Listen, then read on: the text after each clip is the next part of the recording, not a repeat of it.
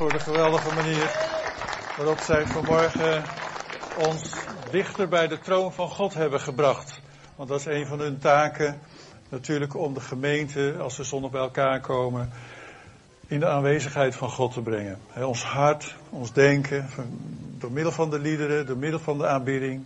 En ons daar ook in voor te gaan. En ik vind dat ze dat altijd fantastisch doen. Amen.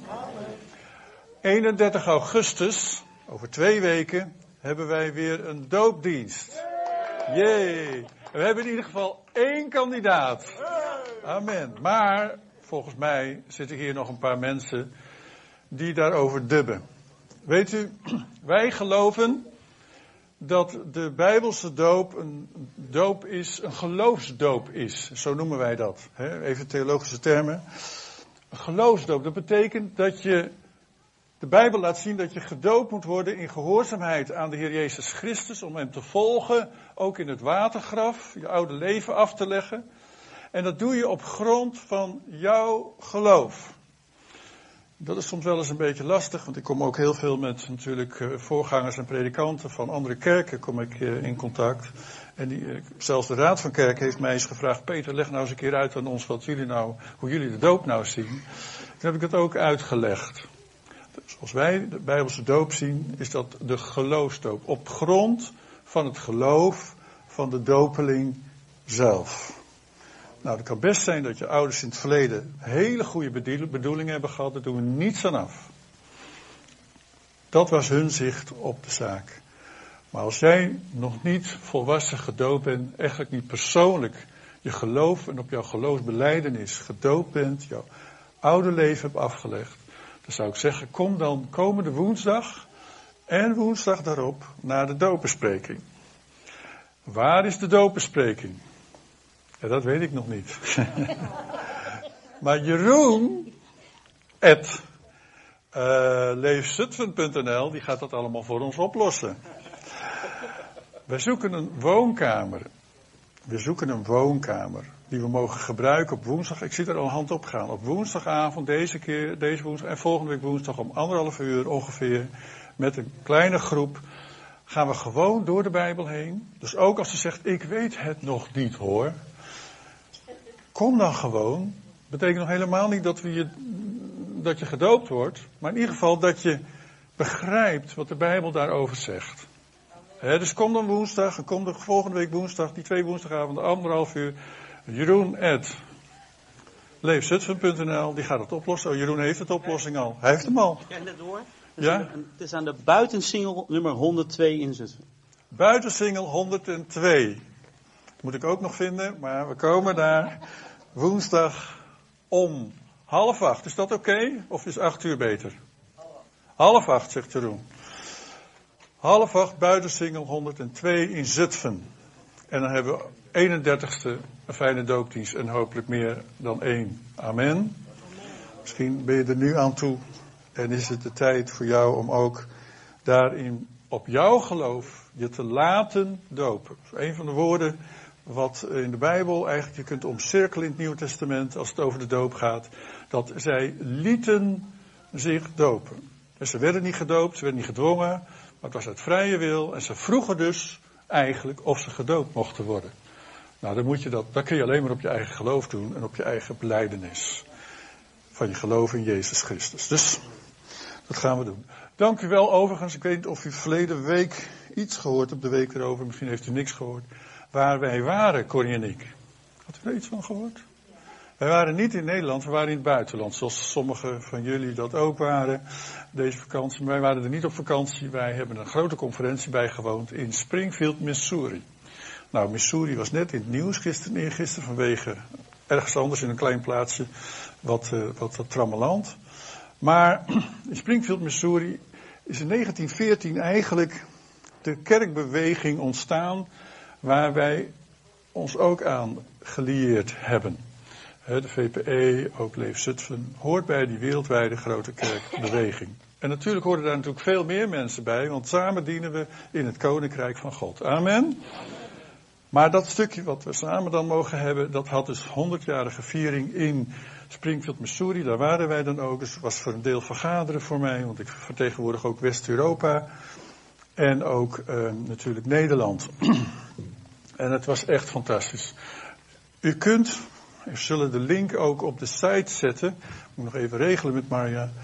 Maar uh, u kunt binnenkort op de site daar iets over lezen. Want afgelopen dinsdag is in het Nederlands Dagblad een halve pagina verschenen van een interview van mij. Heeft u dat gelezen? Oh, deze mensen hebben het gelezen. Grote mooie foto, niet van mij, maar wel van wat daar gebeurde. En kunt u lezen in het Nederlands Dagblad en we zullen de link op de site zetten. Dan leest u ook een beetje met ons mee wat de Heer, uh, hoe de Heer ons leidt en waar wij voor staan. Voor het werk van God in deze tijd. Ook en bijzonder door de gemeente. Daarbij zijn aangesloten 350.000 gemeenten wereldwijd. En elke 39 minuten wordt er een nieuwe gemeente gesticht. Wereldwijd ergens. Dus ook als Christiana en Nathalie naar Aruba gaan, is helemaal niet nieuw, eigenlijk.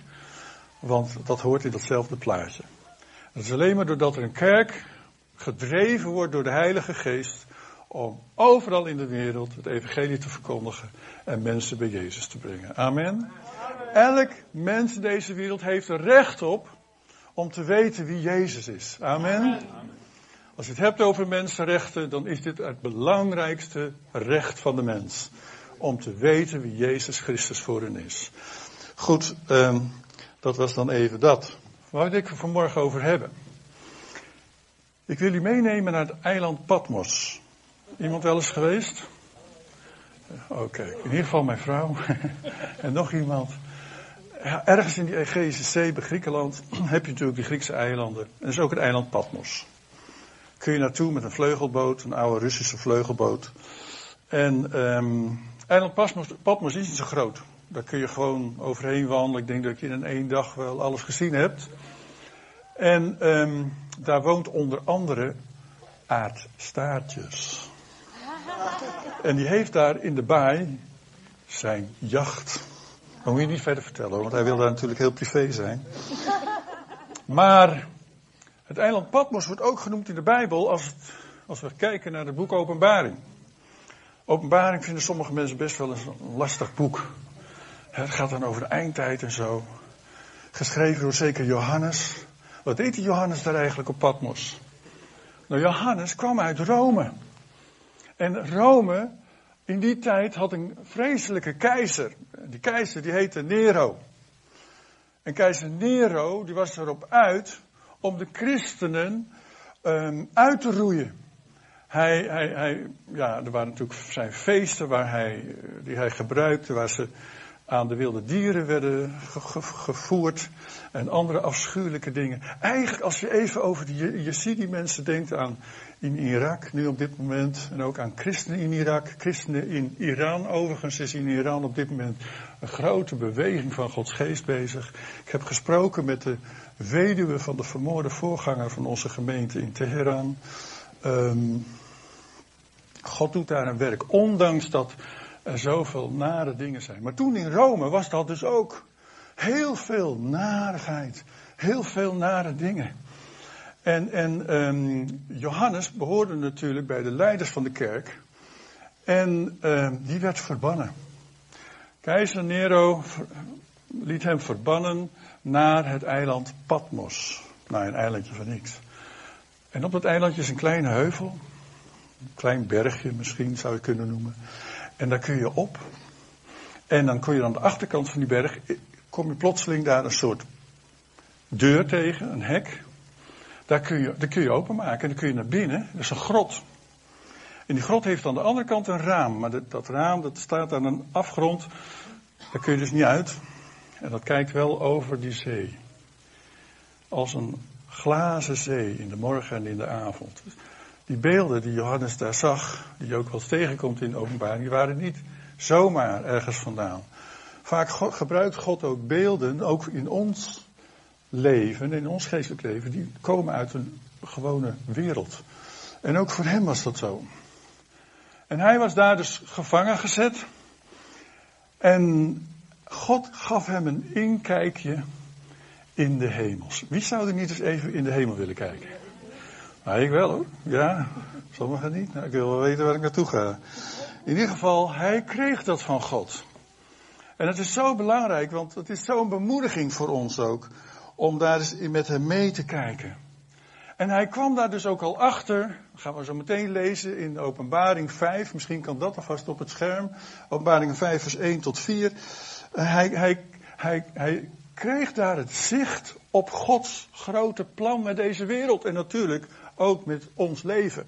Met jouw leven, met mijn leven. En hij zag dat de enige erfgenaam van God die dat grote plan zou kunnen uitvoeren, dat was Jezus. Gaan we overlezen. Kunnen we meelezen met elkaar? Toen zag ik, zei Johannes, terwijl hij als het ware een soort openbaring kreeg, een soort film zag, eigenlijk naar een, een, een inkijkje in de hemel, terwijl hij daar stond in die rotsgevangenis en misschien naar buiten keek. Toen zag ik degene die op de troon zat. Dat was God natuurlijk. Hij had in zijn rechterhand een boekrol die aan beide kanten beschreven was. Ze hadden toen geen boeken met bladzijden, maar boeken op een rol. En die konden ze oprollen en die was aan beide kanten beschreven.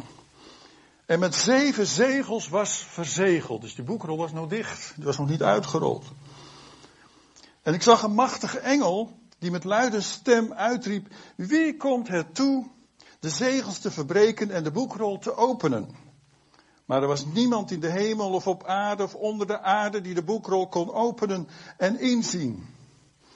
En het deed me veel verdriet, zei Johannes, dat blijkbaar niemand het verdiende om de boekrol te openen en hem in te zien.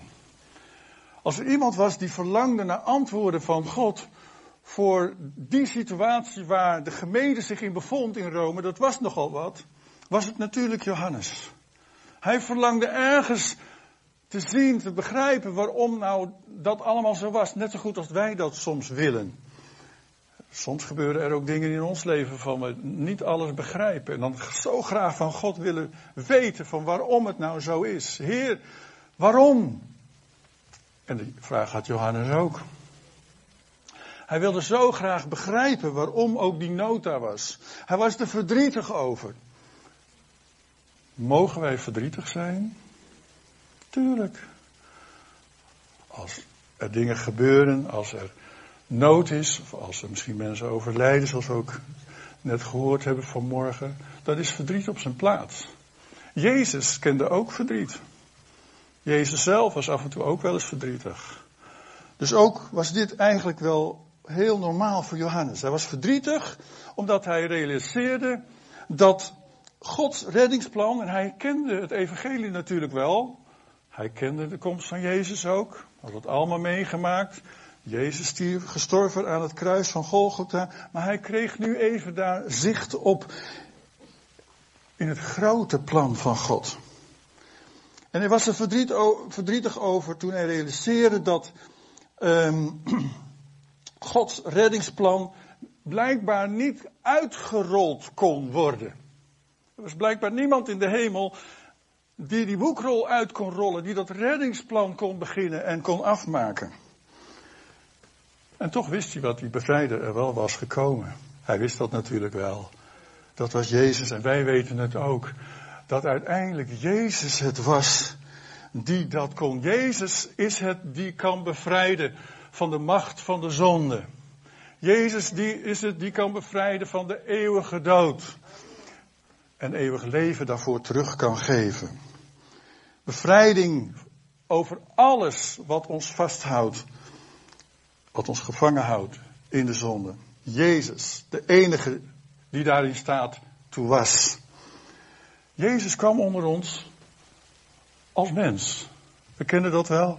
Daar vieren we ook kerst uh, over. Straks gaan we dat weer doen. Dan wordt het uitgebeeld dat God bedacht had om onder ons te komen. Onder ons te komen wonen. Heel kwetsbaar. Onder ons. Hij groeide op. Betaalde de losprijs die er moest betaald worden. Voor ons, om ons te bevrijden. Weet u dat op dit moment in Irak voor christenen ook een losprijs betaald moet worden om ze uit de handen van de ISIS is los te krijgen. Is dat niet verschrikkelijk eigenlijk? Dat er vrouwen, christenvrouwen worden verkocht voor, als slaven. En als ze een losprijs betalen, dat ze nou weg mogen. Wel, wij waren eens gevangen in de zonde. En God had het zo bedacht dat Jezus de enige zou kunnen zijn die ons kon vrijkopen van die macht van de zonde. En hij heeft het offer gebracht, de losprijs betaald. En daarom kunnen wij vanmorgen ook zo prachtig onder leiding van, uh, van Lise de Heer aanbidden. En eigenlijk als we verder lezen in dit hoofdstuk, dan zien we één hele grote golf van aanbidding. En laten we eens kijken waarom wij zouden aanbidden. Waarom aanbidden wij eigenlijk? Wij zijn een kerk, we zijn een gemeente die heel veel doet aan aanbidding. Maar dat komt ook omdat de Bijbel ons daarin voorgaat en laat zien waarom, dat, waarom we dat mogen doen. In de eerste plaats, als we verder lezen in hoofdstuk 5, vers 5, dan zien we dat wij Jezus aanbidden om wie Hij is. Toen, lezen wij, zei een van de oudsten tegen mij, dus hij zag dat in dat inkijkje en een van de oudsten begon daar te spreken. Wees niet verdrietig, Johannes. Oh. Als ik in de put zit, dan hou ik ervan om een stem te horen vanuit de hemel die zegt van joh, kom er eens even uit. Je hoeft niet verdrietig te zijn. Verdrietig, verdriet mag, maar wees niet verdrietig, want, en dan komt het antwoord uit de hemel, want de leeuw uit de stam Juda, de telg van David, heeft de overwinning behaald en daarom mag hij de boekrol met de zeven zegels openen. Hij mag het heilsplan van God openbaren. Hij mag dat heilsplan van God ook uitvoeren. Wie was de leeuw van Juda? Jezus. Dat een beeldspraak over Jezus. Beeldspraak van het Oude Testament. Wat uitgesproken is in het volk, onder het volk van Israël door profeten over de komst van de Heer Jezus, de leeuw van Juda, de telg, de afstammeling van David. Zo mooi als je Matthäus hoofdstuk 1 leest, de eerste paar versen, dan lees je zo'n geslachtregister. Vinden we altijd lastig, gaan we gaan overheen. Maar er staan vijf keer staat daar David in, voordat Jezus genoemd werd. Als er, als er één levende afstammeling uit het Joodse volk zou kunnen bewijzen dat die afstand van David, dan is het Jezus. Die daar staat bij de troon van God. Amen. Hij is niet alleen de leeuw van Juda, maar hij is ook de telg die komt uit dat, die familie van David. Nou, leeuw spreekt van waardigheid. We waren een keer in, uh, Zuid-Afrika in een wildpark. Volgende keer gaan we met z'n allen. en daar hebben we ook geslapen, midden tussen de leeuwen. Ja, wel in een omheind, in een ontheinde kamp. Dus het was wel veilig, maar dan hoorden ze s'nachts brullen. Hè? En op een gegeven moment waren we daar s'avonds om een uur of vijf bij een drinkplaats. En dan zagen we een heleboel uh, leeuwinnen en welpjes. Prachtig om te zien. En die speelden met elkaar. En plotseling gebeurde daar wat. Je kon het zien. Er gebeurde wat en we wisten niet wat er gebeurde, maar plotseling werden ze allemaal heel alert. En we keken uit het bosjes, kwam een hele grote leeuw. Met manen. Heel statig, vol gezag en autoriteit. En dat is nog maar een gewone, natuurlijke leeuw. Veel meer gezag heeft Jezus. Amen. Oh, halleluja. Hij heeft alle macht in hemel en op aarde. Hij, de leeuw van Juda. Maar gelijkertijd weten wij ook, en dat kunnen we straks ook in dit stukje lezen, was hij ook en werd hij ook het lam van God. Hoe kan een leeuw nou gelijkertijd ook lam zijn? Nou, dat was Gods geheimenis. Dat zouden wij nooit kunnen bedenken. Alleen met een lam, dat moet je niet bij elkaar plaatsen. Je elkaar op, geloof ik. Maar in Gods ogen kon Jezus, de Almachtige, Hij die God zelf ook was, de Zoon van God. In zijn Godheid kon Hij ook lam zijn. Een lam dat zichzelf kon geven als offer voor onze zonde. Goede reden om Hem te eren en daarom aanbidden we Hem ook in onze liederen. En in die liederen klinkt dit thema dan ook door. Een tweede goede reden om hem te aanbidden vinden we in vers 6. Gaan we gewoon even doorlezen. Midden voor de troon, tussen de vier wezens en de oudsten, zag ik een lam staan. Het zag eruit alsof het geslacht was. En het had zeven horens en zeven ogen. Dat zijn de zeven geesten van God die over de hele wereld zijn uitgestuurd. Nou, Bijbelstudie over openbaringen gaat hier helemaal dieper op in. Maar denk maar aan de attributen van God. Denk maar aan zijn eigenschappen. God heeft vele eigenschappen. Hij is alomtegenwoordig. Hij is dus overal. Hij, hij kent alle dingen. En ga maar zo door. En daar heeft, hebben deze beelden mee te maken. Maar één ding laat dit vers mij duidelijk zien. Jezus wandelt niet meer hier op aarde. Hij ligt niet meer in de kribbe, toch? Nee. Hij wandelt ook niet meer in Jeruzalem.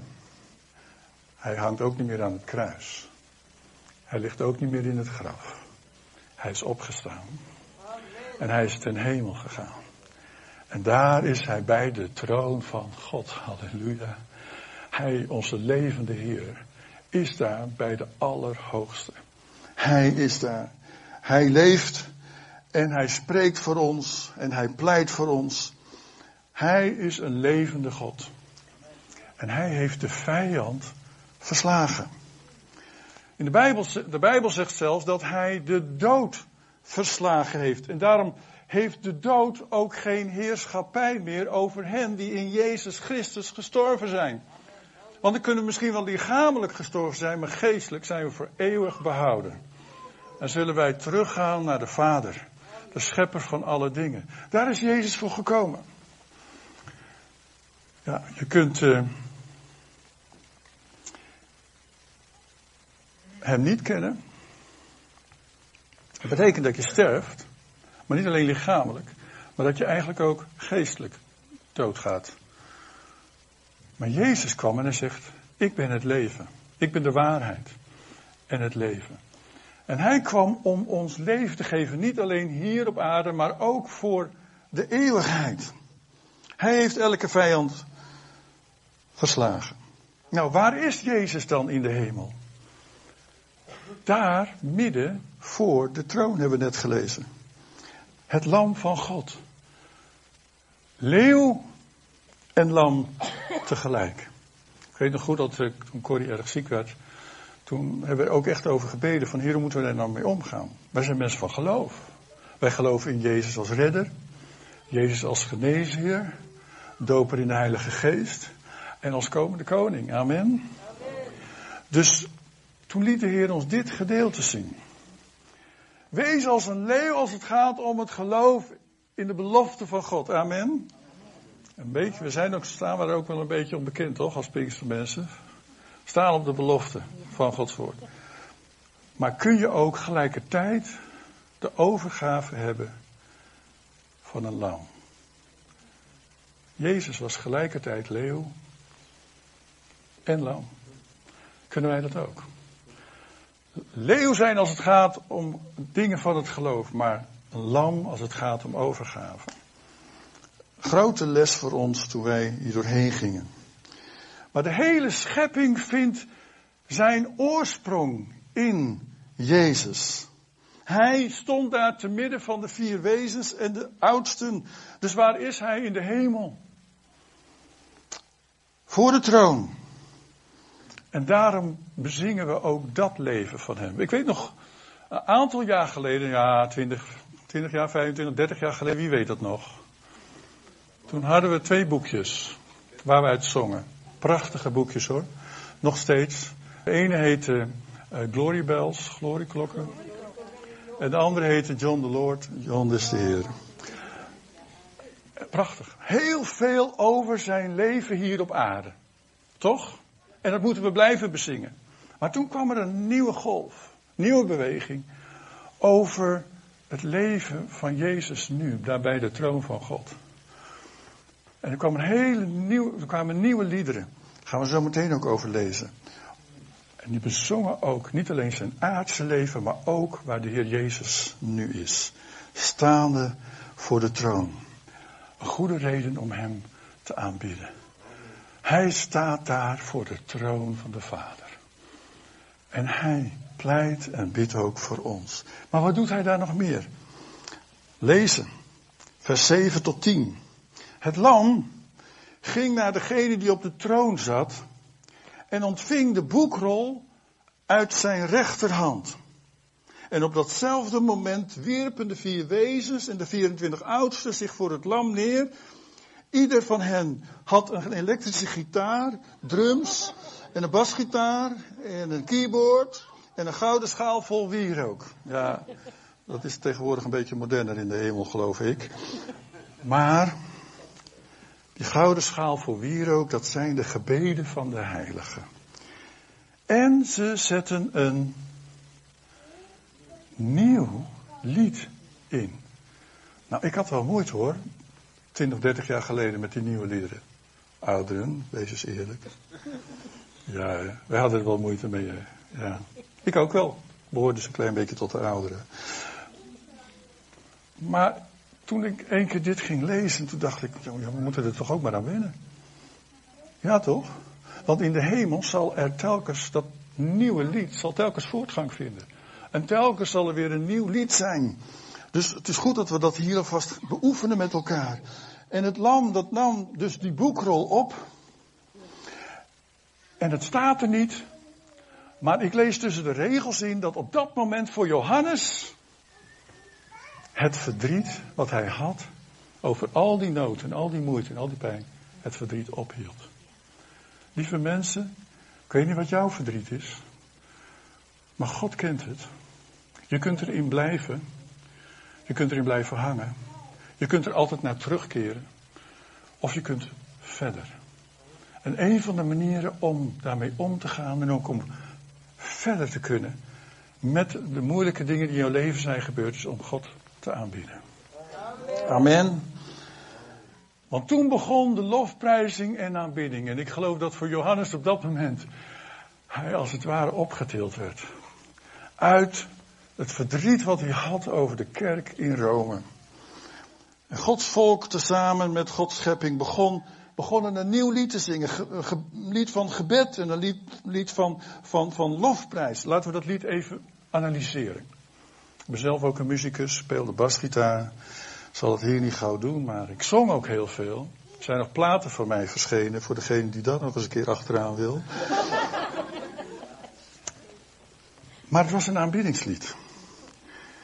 En het ging over Jezus. Hij alleen is waardig.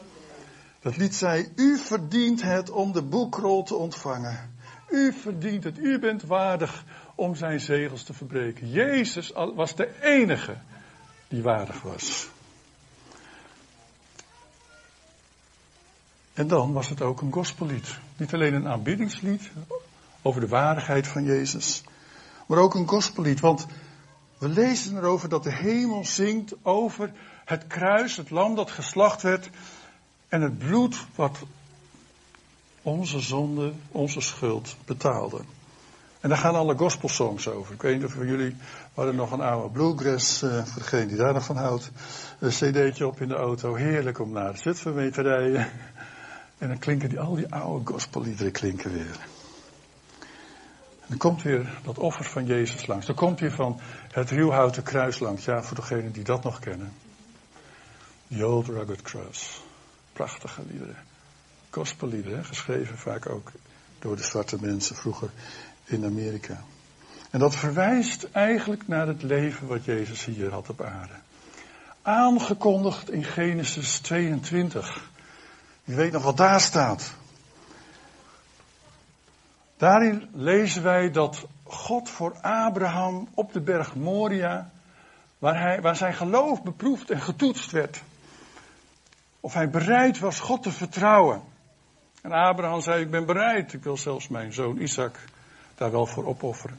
En we weten dat toen Abraham die bereidheid toonde, dat God met een antwoord kwam. Hij hoefde Isaac niet te offeren. God had een plaatsvervangend offer voor hem. He, dat was een, eh, een bok wat in de, in, in de struiken bleef hangen. En dat was weer een beeld van wat komen zou Namelijk Jezus Christus, het lam van God, wat plaatsvervangend voor onze schuld zou sterven aan het kruis op Golgotha. En de apostel Paulus die zegt het zo mooi tegen de Galaten in Galaten 2 vers 20.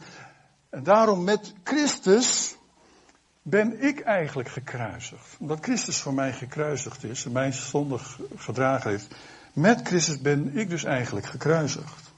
Ikzelf leef dus niet meer, maar Christus leeft in mij.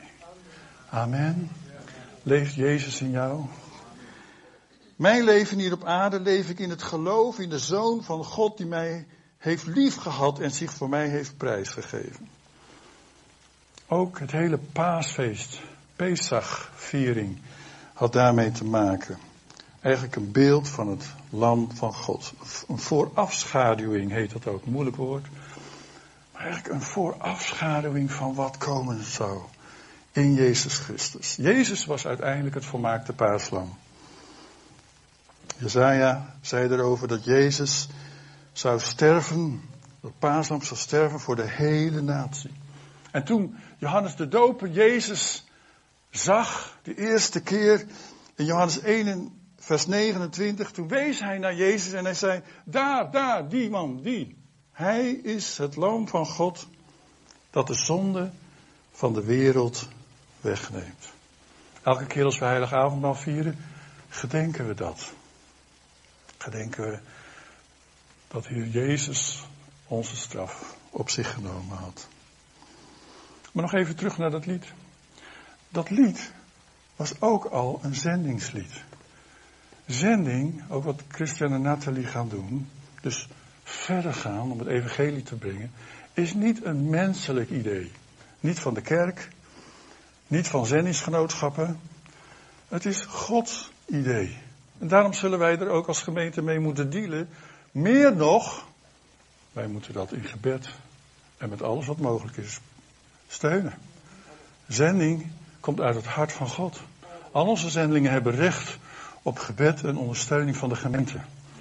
Want dit idee is niet van mensen, dit idee komt bij God vandaan. Want, want ik las daarin in dat vers, hebt u voor God mensen gekocht uit alle landen, ook Aruba, ook Filipijnen, ook Indonesië. En volken, alle volken en van elke stam en taal. Wat zei Johannes 3 vers 16, weten mensen dat nog? Nieuwe Bijbelvertaling. En G weet je het misschien nog wel. Nieuwe Bijbelvertaling, want God had de wereld zo lief, dat hij zijn enige zoon heeft gegeven, opdat, wie? Iedereen die in hem gelooft niet verloren gaat, maar eeuwig leven hebben. Dus het was ook een zendingslied wat daar gezongen werd bij de troon van God. Zouden wij ook eens meer moeten doen misschien, zendingsliederen. En dan zingen ze als laatste, als ik het analyseer, ook een wijdingslied. Op een bijzondere plaats voor hen die in Christus Jezus zijn. Want het lied gaat er ook over dat wij een koninklijk priesterschap vormen koningen en priesters zullen zijn in de wereld die gaat komen als Jezus terugkomt. Natuurlijk mogen we nu ook al priesters zijn om de Heer te dienen. Nog een laatste reden waarom wij vanmorgen Jezus centraal zouden stellen, willen stellen in ons leven, maar ook in de gemeente. Ik lees vers 11 tot 14. Daarna hoorde ik het geluid van een groot aantal engelen. Rondom de troon, de wezens en de oudsten. Het waren er oneindig veel.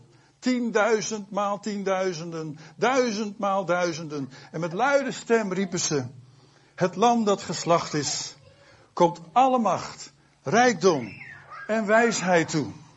Halleluja. Het lam dat geslacht is, komt alle macht, rijkdom en wijsheid toe. En alle kracht eer, lof en dank.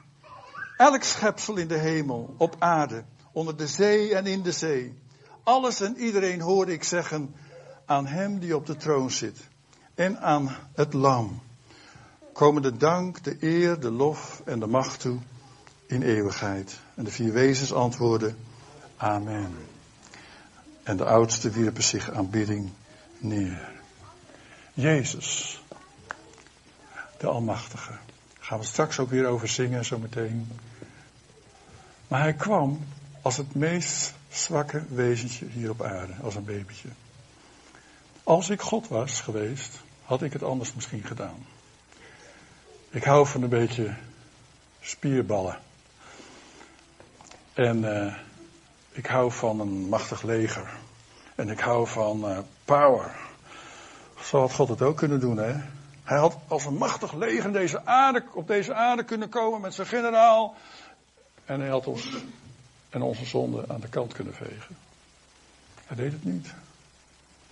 Hij kwam als een babytje. Wie had dat nou kunnen bedenken? Behalve God zelf. Hoe kon hij het hart van de mens winnen? Als een generaal? Als een machtige overste? Nee, hij kon het hart van de mens winnen. Door te komen als het zwakste wat er was. Prachtig hè? Jezus werd mens. En hij kwam als een babytje. Connie en ik uh, hebben een geweldig huwelijk. 44 jaar getrouwd. Maar af en toe hebben we wel eens zo dat we elkaar wel eens achter het behang kunnen plakken. Hebben jullie dat ook wel eens? en dan ben ik wel eens geneigd. Oh, hier zit een. Uh, kent men dat ook, geloof ik. Maar dan heb ik wel eens in het begin, toen ik pas getrouwd was. Toen ik pas getrouwd was. Had ik wel eens de neiging om, uh, ik ben nog groot ook nog, om mezelf een beetje sterker te maken. Breder te maken. Nou, ik kon toch niet tegen haar op, dus. Uh, want dan dacht ik, dan win ik het dispuut. Gelukkig heeft God zo nooit gedacht. Hè? Gelukkig heeft God zo nooit. Hij maakte zich klein om ons te winnen. En misschien is dat ook voor een huwelijk nog wel eens een goed idee. Je hoeft niet altijd die grote te maken om te winnen. En je hoeft niet altijd het dispuut te winnen. Soms is het ook goed om zacht te zijn. Eens wat kleiner te maken. Om de ander te winnen. Amen. Broeders. Amen, zusters. Ja. Wat een geweldig plan van God, hè? Hoe heeft hij het kunnen bedenken? En Jezus is gekomen. En Jezus heeft zijn weg, hier op aarde is hij gegaan. Hij heeft het offer gebracht. Hij is gestorven op Golgotha. Hij heeft alles volbracht en de prijs betaald voor onze zonde. En op grond van ons geloof in Hem, waarin we Hem aanvaarden als dat offer van God, mogen wij verlossing, redding ontvangen. Amen. Redding van onze eeuwige dood. En het eeuwige leven ontvangen in Hem.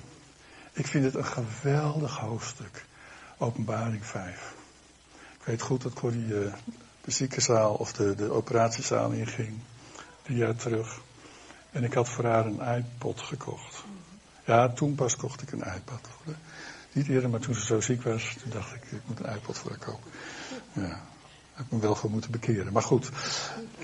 En ik heb, haar, ik heb dit lied erop gezet, hè, over rondom de troon. En de engelen, die zingen de duizenden en tienduizenden. En ik weet goed dat Corrie met haar oortjes in iPod aan, weg werd gereden, operatiezaling. Het was voor ons een werkelijkheid. En het is het nog steeds. Want we weten dat wij verder mogen kijken. Wij mogen ook een inkijkje hebben met Johannes in de toekomst. We leven nu, maar weet u, dit leven op aarde is eigenlijk alleen maar een voorbereiding voor het leven. Straks bij Hem, bij God.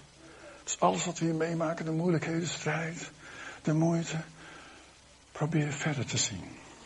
Blijf niet hangen. Verdriet heeft een plaats, maar blijf daar niet in hangen. Ga verder. God heeft een eeuwig plan, ook voor jou. Amen. En als er misschien iemand is vanmorgen die zegt van, ik ben nog niet zeker of ik straks daar ook mag staan rondom die troon. Ik weet het nog niet zeker. Ik ken de Heer Jezus nog niet zo persoonlijk. Ik weet niet of ik wel verlossing van mijn zonde heb ontvangen. Dan is dit misschien de morgen waarin je die beslissing wil maken. En zeggen, Heer Jezus, hier ben ik. Ontvang mij. Ontvang mij als een zondaar. En mijn zonde beleid ik voor u. U heeft ze ook gedragen aan het kruis op Golgotha.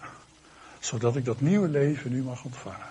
Hier al, Prijs de Heer, en dat vieren we al. Zingen de liederen van aanbidding en glorie en aanbidding en lofprijs. Dan mag je meezingen met je hele hart, want je weet dat dat lied wordt voortgezet straks aan de andere kant. Amen. Amen. Voor de ouderen onder ons, die weten dat die dag misschien komt. Wat een geweldige dag zal het zijn. Duizenden en duizenden en duizenden uit alle naties en volken rondom die troon staan. En wij ook, onze Nederlandertjes in oranje shirt. En wij staan daar ook de Heer groot te maken. Voor altijd en eeuwig. En om wie draait het? Om wie draait het daar? Om Jezus. Amen. Zullen wij dat mooie lied zingen met elkaar? Waar is Lies? Lies, hier. Dat mooie lied wat we ook hebben gezongen over mijn aanbidding voor Hem. En uh, straks is er uh, gelegenheid ook, misschien nu tijdens het lied, maar of na het lied, als we afgesloten hebben, dat je wil komen met je nood, je moeite, je pijn, je zorgen. En zeg ik wil zo graag bij Jezus komen. Er zal, zullen mensen zijn van eh, de nazorg, die bij het kruis ook zullen staan. Ik zal er ook staan. Kom dan. Of als je je leven aan Jezus wil geven. Zegt, ik heb dat nooit echt gedaan. Nooit echt. Ik weet niet zeker of ik erbij zal zijn. Kom dan ook. We willen graag je tot Jezus leiden. Je leven zal voor altijd, voor altijd veranderd zijn. Amen. Zullen we met elkaar dit mooie lied gaan zingen?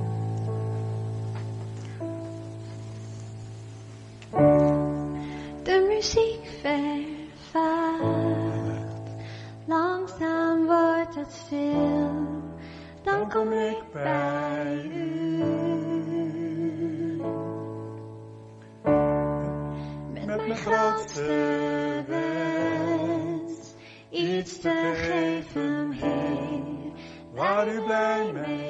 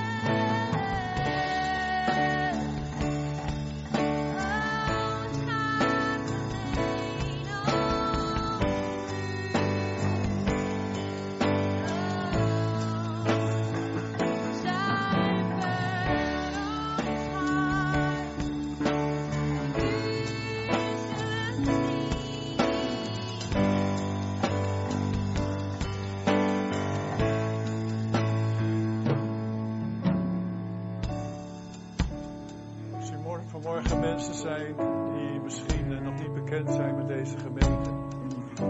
Dit is waarom wij onze handen opsteken. Dit is waarom wij ook samen luid aanbidden. En laten we dat een moment doen. Laten we een moment onze stem verheffen. En de Heer Jezus groot maken met onze eigen stem. Vader, met z'n allen, kom. Oh, Heer, wij prijzen u en loven. En wij eren u, Heer Jezus. Heer, met alles wat in ons is. O Geest van God, u bidt door ons heen. In onuitsprekelijke verzuchtingen. O, in de hemelse talen.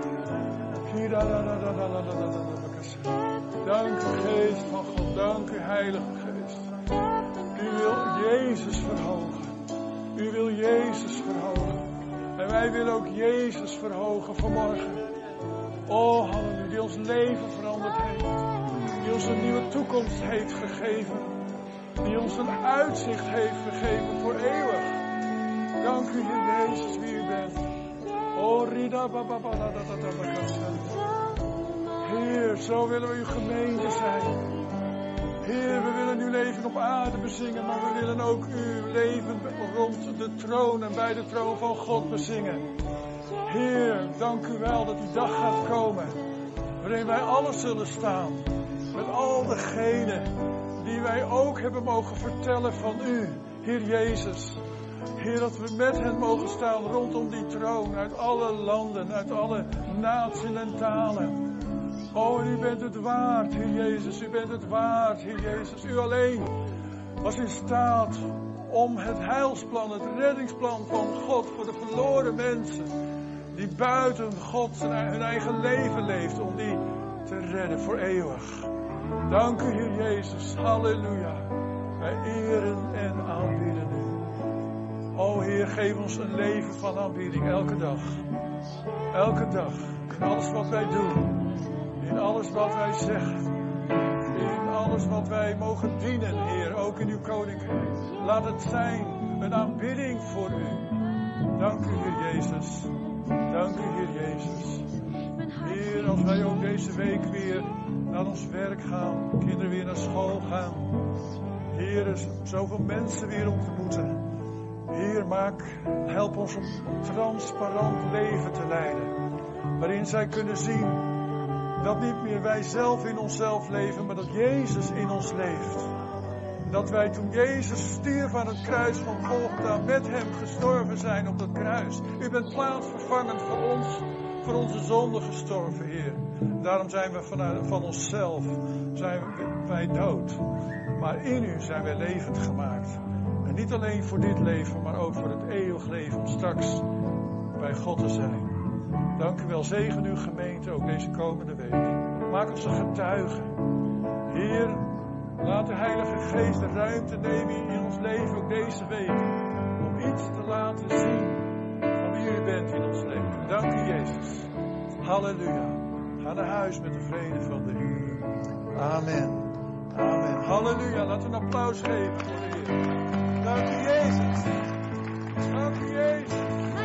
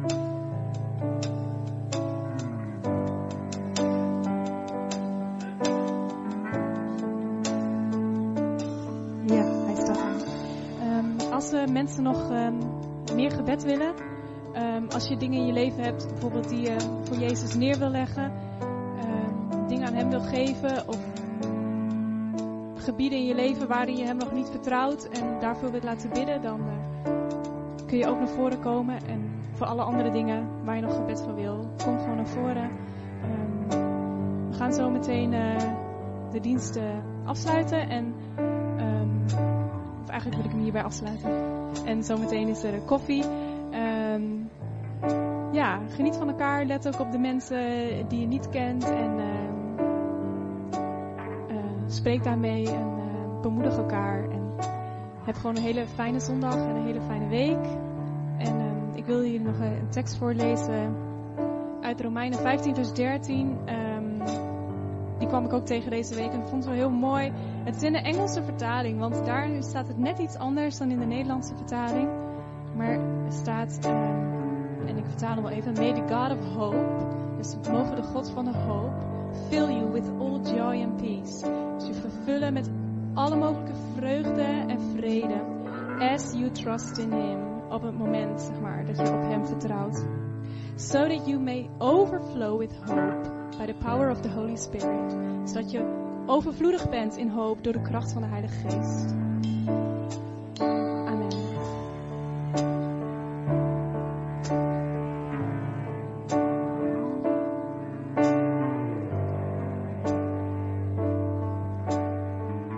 Fijne zondag en jullie mogen dus eh, naar de koffie gaan. Of nog voor gebed.